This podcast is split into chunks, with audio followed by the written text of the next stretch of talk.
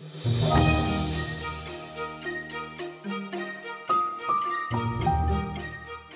Mathilde. Hej Ditte.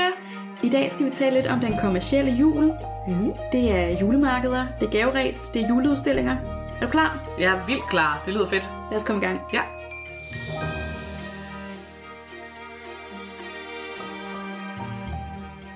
Når vi går tilbage til de tidligste julefejringer, tilbage i vikingetiden, så var der jo ikke så mange butikker, man kunne gå i øh, for at købe ind til sin juleaften. Det siger du ikke. Nej.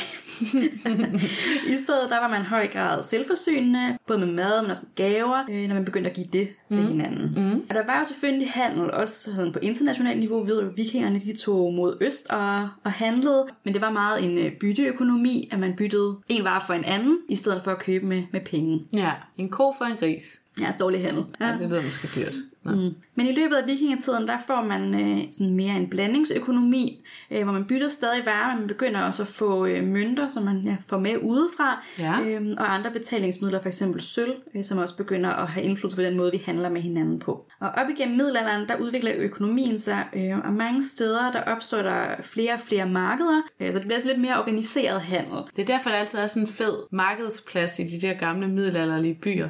Præcis. Og det er også i senmiddelalderen, at vi får de første julemarkeder rundt omkring i Europa. Øh, Det kan dog være lidt svært at udpege præcis, hvornår det opstår, for det er Ja. sådan noget, der sådan kommer lidt øh, hen ad vejen, hvor man har haft et marked før, og så begynder man også at have det til juletid. Ja. Der er flere steder, der gerne vil tage æren for de første julemarkeder, øh, men vi kan se forskellige steder i Tyskland, at de opstår sådan i løbet af 1300-tallet. Mange steder i Okay, så det er i Tyskland, at sådan markedstraditionen stammer fra. Ja, der, Ja. der er i hvert fald mange af de tidlige kilder, de kommer ned fra mm. Tyskland. Et marked, der er nævnt som en slags forløber til julemarkedet, det er Wiens decembermarked, øh, og det kan dateres helt tilbage til 1294. Okay.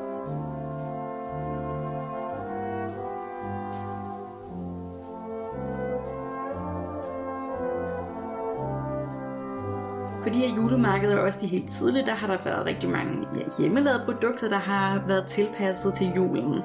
Det er ja, hjemmebrændte snapser, nu hørte vi jo om alkoholen i går. Ja. Øhm, det har også været kød og kager og forskellige former for øh, kunsthåndværk og den slags. Især sådan figurer til krybespil og mm. andre sådan religiøse symboler, som har passet ind i julefejringen. Og derudover har der også været tradition for, at der har været julemusik og sang på de her markeder. Det stemmer meget godt overens med, hvad man egentlig også ser i dag på et tysk julemarked. Se en voldsom trængsel og alarm. Det er koldt, og man må gå sig varm. Lygten tændes klokken fire og alt Det skal være aften med gevalt. Midt på gaden sælges træer og frugt. Ved butikken, hvor den stråler smukt. Varer kan man få i tusindvis Tænk dem bare under indkøbspris pris, pris, I dag er der et utal af julemarkeder rundt omkring i Danmark, Men markedstraditionen er jo også en, man kender fra Danmark, som du har nævnt helt tilbage fra middelalderen. men jeg har simpelthen ikke kunne finde specifikke julemarkeder Nej, okay. på den måde. Nej, og det har måske også bare været almindelig marked, hvor man købte ind til jul. Altså, vi snakkede jo tidligere om sikken voldsom trængsel og alarm, hvor de også siger, at på gaden sælges øh, træer og frugt, ikke? Så Præcis, så man har haft ja. markeder rundt omkring, Ja. øh, men de her specifikke julemarkeder, det ser altså ud til det første er op i slutningen af 1900-tallet, og det faktisk rigtig slår an i Danmark. Ja, ja. Et af de første, jeg kunne finde, det er faktisk det Christianias julemarked i den grå hal. De startede i 1976, Ja. og jul i Tivoli startede i 1994, øh, så det er altså ret sent. Men alligevel har julen fyldt en del i bybilledet op igennem tiden. I 1800-tallet, der begynder borgerstanden i byerne jo at blive toneangivende, det har vi talt om mange gange før. Og der kommer en større kommercialisering og et større forbrug generelt set. Det er også her omkring, at butikkerne begynder at dyrke julen i såkaldte juleudstillinger. Og det er jo egentlig bare deres udstillingsvinduer, som de pyntede op øh, til jul, men det var et kæmpe tilløbsstykke med de her juleudstillinger, og de annoncerede i avisen og skrev, den her dag åbner juleudstilling hos den her og den her butik. Okay. Ja.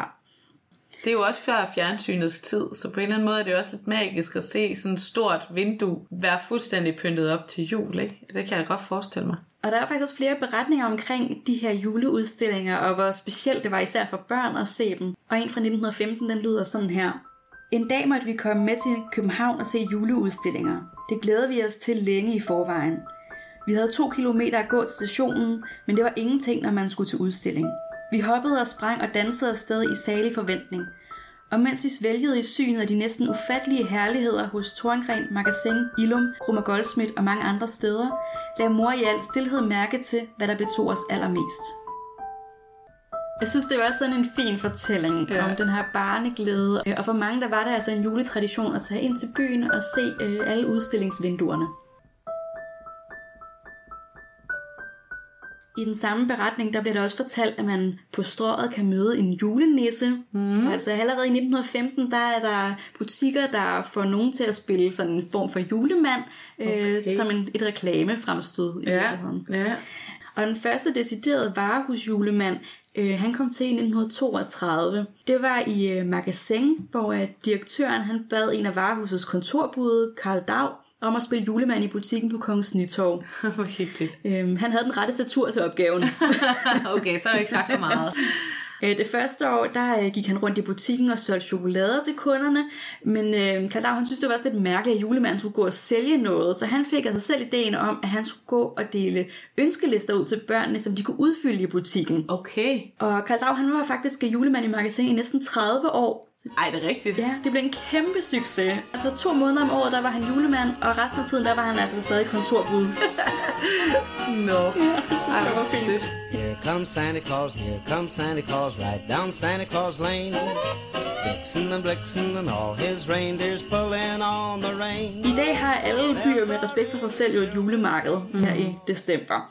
Øh, og mange steder så kan man også øh, se dem på herregårde og på godser, hvor ja. De også øh, får en masse kunsthåndværkere og forskellige boder ind til ja. Julemarkeder. Ja. det er så hyggeligt. Og de julemarkeder, det er jo et fedt sted at finde sine julegaver, men øh, der er altså sket en stigende tendens til, at man øh, går online og køber julegaver. Ja, det er rigtigt. Er der også flere og flere virksomheder, der kun har online salg. Faktisk fra 2016 til 2020, der steg salget i de brancher, der udelukkende har internethandel øh, med 40% sammenlignet med perioden før. Okay, ja, det er den nye måde at handle på. Det er det. I 2021 lavede Dansk Erhverv en undersøgelse omkring folks sådan juleforbrug, og der svarede 8 ud af 10 forbrugere, at de handlede online, når de skulle købe gaver. Ja, det er mange. Ja. Og faktisk siger den samme analyse også, at det er de midtjyske kvinder, der bruger flest penge på julegaverne. Og Så øh, der falder vi jo lige ned i kategorien der. Og det samme år i 2021, der estimerede Dansk Erhverv, at danskerne de købte julegaver for 8,5 milliarder kroner. det er mange penge. Det er virkelig mange penge. 8,5 milliarder kroner på julegaver i Danmark. Ja. De skriver, de skriver også, at øh, omkring 4-5% af gaverne skulle byttes. Det svarer til, at der den jul blev byttet gaver for cirka 400 millioner kroner. Så man kan godt forstå, at der er travlt i butikkerne dagen efter jul. Ja, for filan mand.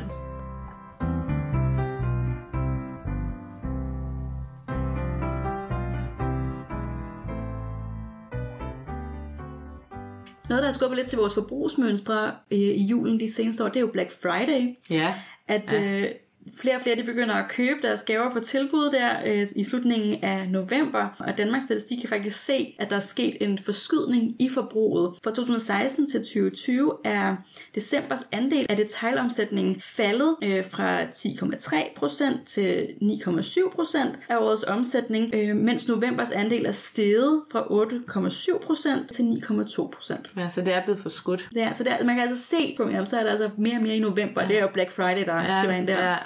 Men det må også være dejligt for julefreden, at man har købt gaverne i november. Det gør måske, at der er lidt mere ro i løbet af december, ikke? Det kan godt være sådan lidt stressende, hvis man øh, er ude i sidste øjeblik med de gaver der. Ja. Jamen, jeg synes bare, det var så interessant, ja. Ja. der var, altså, det var ja. Så kæmpe et forbrug. Så når ja. vi har talt om alt det her historiske med mm. julemarked og juleudstillinger, mm. så er det, har det altså nået et helt vildt niveau. Niveau.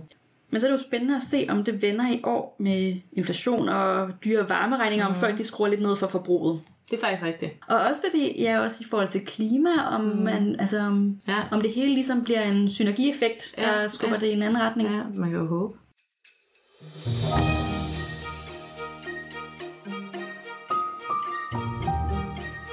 Så har vi hørt lidt om julens forbrug. Og i morgen der øh, fortsætter jeg lidt i samme boldgade, fordi i morgen skal vi nemlig tale om nogle af de ting, man kan samle på til jul. Ja, det glæder jeg mig til at høre om. Vi ses i morgen. Det gør vi.